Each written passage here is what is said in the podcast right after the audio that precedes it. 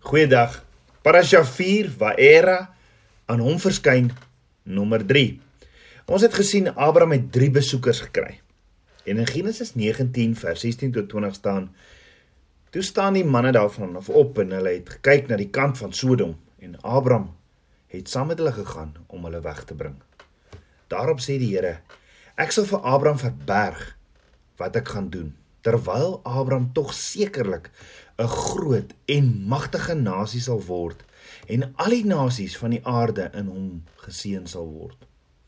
Want ek het hom verkies dat hy aan sy kinders en sy huis na hom bevel sou gee dat hulle die weg van die Here moet behou om geregtigheid en reg te doen sodat die Here aan Abraham kan bring wat hy oor hom gespreek het. Verder het die Here gesê: "Die geroep oor Sodom en Gomorra is waarlik groot en hulle sonde is waarlik baie swaar."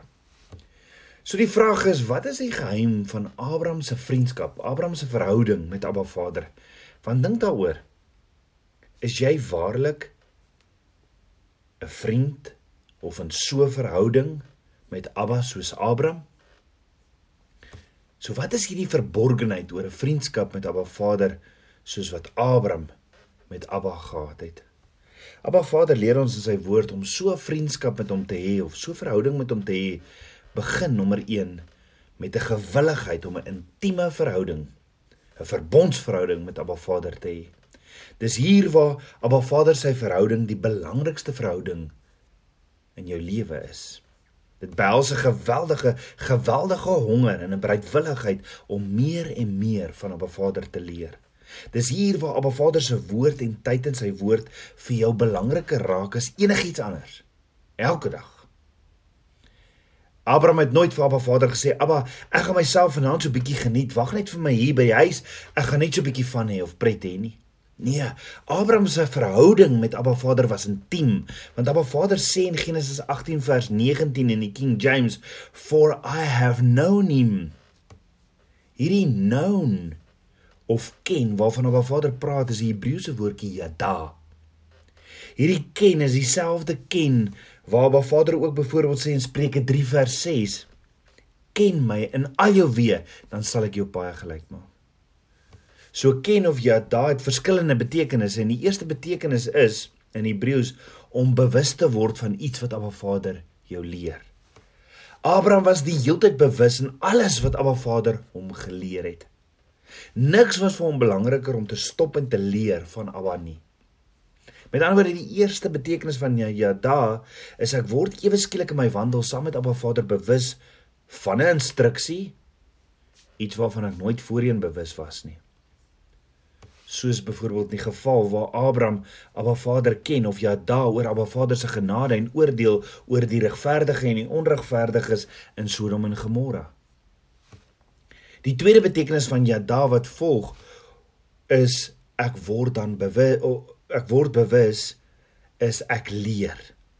So die volgende betekenis van yada is om te leer, om daarvan waarvan ek bewus geword het om daarvan te leer, maar om wat te leer. En dit bring ons by die derde betekenis van ja, yada en dit is om die waarheid te leer. To know the truth.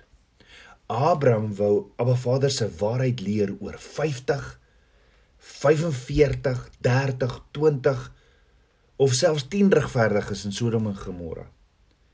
Abraham laat toe en wil by Abba Vader leer.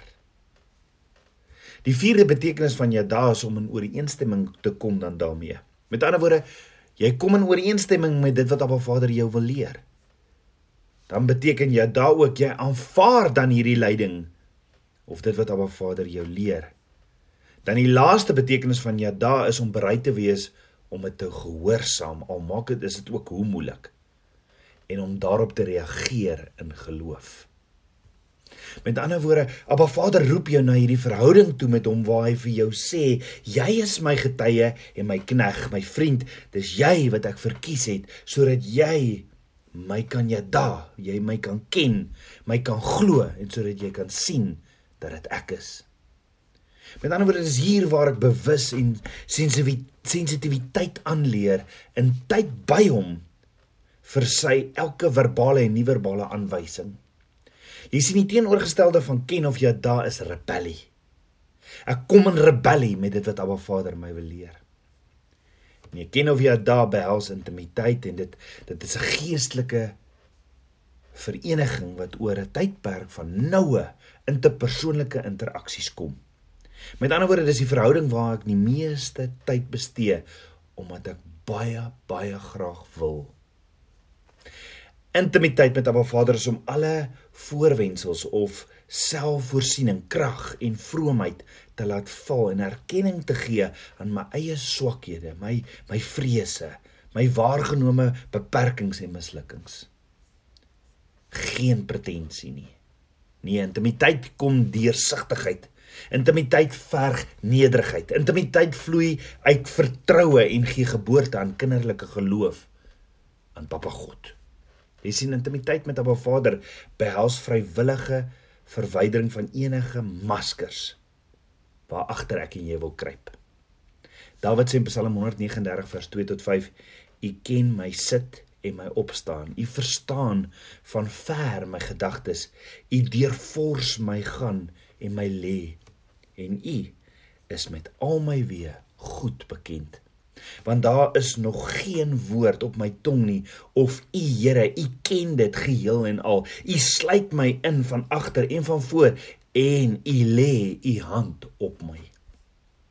Nou Dawid het hierdie intimiteitsverhouding met Abba Vader verstaan. Hy het dit geken maar dit kom nie maklik nie.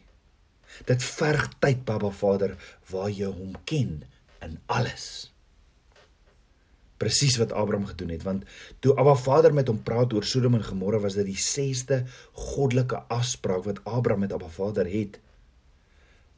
Maar Abba Vader waar Abba Vader ook met Abraham praat soos 'n vriend. Jy sien om Abba Vader te jada te ken en intimiteit gebeur nie oornag nie. So verhouding benodig daaglikse groei waar ek niks eerder sal wil doen as om in sy teenwoordigheid te wees waar hy my meer en meer leer van sy karakter nie. Dis hier waar jou verhouding soos Abraham se met Abba Vader aansteeklik is vir almal. Vir jou huweliksmaat, jou kinders en almal om jou. Die vraag is waar staan my en jou verhouding met Abba Vader tans? Waar staan jou verhouding met Abba tans, Tabernakels kind? Jy sien jy kan nie dink jy sal eendag as jy in die hemel kom as Abba Vader vir jou 'n plekkie daar hou hoop jy gaan hom dan so ja daar leer ken nie.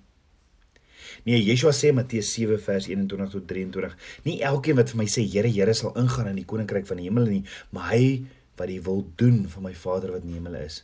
Baie sal in daardie dag vir my sê, Here, Here, het ons nie in U naam geprofeteer en in U naam duiwels uitgedryf en in U naam baie kragte gedoen nie? En dan sal ek aan hulle sê, hoor wat sê Yeshua? Ek het julle nooit geken, gee dan nie gaan weg van my julle julle wat die ongeregtigheid werk. So Abba Vader leer ons in sy woord om so 'n vriendskap met hom te hê soos Abraham moet ons eerstens 'n gewilligheid hê, om hartsbegeer te wees. Nommer 2 om soos Abraham jou kinders en almal om jou te leer van intimiteit met Abba Vader. Abba Vader sê in Deuteronomium 6 vers 6 tot 7 en hierdie woorde wat ek jou vandag beveel moet in jou hart wees en jy moet jou kinders inskerp en daaroor spreek as jy in jou huis sit en as jy op jou pad is en as jy gaan lê en as jy opstaan. So die tweede aspek van Abraham se Shema leefstyl is volharding om te bedien by die belangrikste grondgebied wat ek en jy kry en dit is by jou huweliksmaat en jou kinders. Dis waar bediening begin. Voor jy enige ander plek of wil bedien, moet jy eers hier begin. Die Hebreëse woord vir hy sal leer is yetzave wat beteken he will bring into union or communion communion. Met ander woorde, dis nie so seer om jou kinders et, et, etiek, sedes, geestelike waarhede of kinderbybelstories te lees voor te lees nie. Nee, dis om hulle van 'n intieme verhouding met 'n Vader te leer. Om hulle van 'n Shema leefstyl te leer die werkwoord of rootwoord vir tsava is tsade. Nou tsava is 'n prentjie wat geskets word van die van van sy Hebreë letters wat bestaan uit 'n waw hy die prentjie wat geskets word van hierdie letters en uh, die letters bestaan uit sade waw en hy en die prentjie wat geskets word uh, van hierdie letters is Abba Vader se belofte van 'n regverdige status deur die bloed van die lam Yeshua sal bereken word tot 'n bron van openbaring en inspirasie. So Abba Vader sê in Genesis 18 dat hy Abraham geken het en homself aan Abraham bekend gemaak het vir 'n spesifieke doel. En dis sodat Abraham sodat Abba Vader Abraham se kinders en sy familie na hom kan sawa en dat hulle ook saam met hom kan wandel in intimiteit, saam met Abba Vader kan wandel in met in, in intimiteit. Met ander woorde die doel en droom wat Abba Vader vir Abraham gehad het was dat Abraham se se verhouding met Abba Vader, sy kinders en almal rondom hom of wat naby aan hom kom, aangeraak sal word. Wat hulle sal lei na intimiteit verhouding met Abba Vader. En net so roep Abba Vader my en jou na so 'n verhouding toe met hom. So wat verlang dit van my en jou? presies wat Abraham gedoen het. In Genesis 15 vers 1 tot 5 staan: Na hierdie dinge het die woord van die Here tot Abraham gekom in 'n gesig en gesê: "Vrees nie, Abraham. Ek is vir jou skuld en jou loon is baie groot." Daarop lei hy hom uit na buite met die woorde: "Kyk nou op na die hemel en tel die sterre as jy hulle kan tel." En hy sê vir hom: "So sal jou nageslag wees." En hy het in die Here geglo en hy het hom dit tot geregtigheid gereken. Met ander woorde, Abraham het Abba Vader geglo. En Abba Vader het hom tot geregtigheid gereken. Nou volgens die woord om in Abba Vader te glo het, het niks te doen met een of ander geloofstelsel of 'n denominasie of 'n leerstelling nie.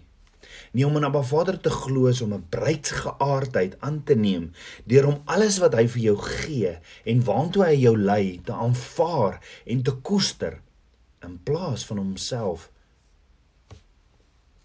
te wil initieer.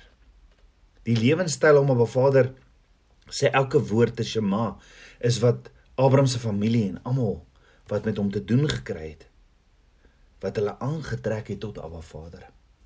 Hierdie Shema leefstyl het niks te doen met enige erkende vorm van openbare bediening nie. Nee, hierdie Shema leefstyl roep en trek mense na intieme verhouding met Abba Vader toe. Dit roep mense en familie terug na 'n tuin van Eden verhouding met Abba Vader. Dis nie 'n 'n uur eenmal 'n week verhouding nie, nie glad nie. Dis 'n ewigheidsverhouding met die koning van konings. Dit behels ook die hantering van probleme in huwelik, in die sakewêreld, met finansies en met enige ander verhouding dat Abba Vader die verhouding of die probleem regstel of dissiplineer. Daar's nie een wat regstel en dissiplineer soos ons Abba nie. Die Hebreëse prentjie wat vir ons geteken word vir die woord Savav is nie iets wat jy sien deur dit wat uit jou mond kom of wat jy sê nie. Nee, dis wat jy doen en hoe jy leef wat jou huweliksmaat en jou kinders so aanraak dat hulle soortgelyke verhouding met Abba Vader na na streef. Dis om in so 'n verhouding met Abba Vader te wees dat elke gebied in jou lewe toegewyd is aan hom en wat oorgedra word aan ander. En dit bring ons by nommer 3. En dis om soos Abraham op 'n Vader se wee sy woord te Shema, Heer luister nou by en dit te leef in verbond. Met ander woorde om 'n Shema leefstyl aan te aan te neem en te leef. En daar's verskeie maniere hoe jy Abba Vader se woord se instruksies kan leef. Onder andere jy begin deur meer en meer kennis op te doen oor sy woord, sy huwelikskontrak. Deur dit te mediteer en te bepeins dag en nag, want Abba Vader sê in Hosea 4 vers 6, my volk gaan te gronde weens 'n gebrek aan kennis. Met ander woorde om Abba Vader se woord te bestudeer, dit te gehoorsaam, dit te koester en daaraan vas te kleef. En dis die natuurlike manier of die moontlike manier vir my en jou.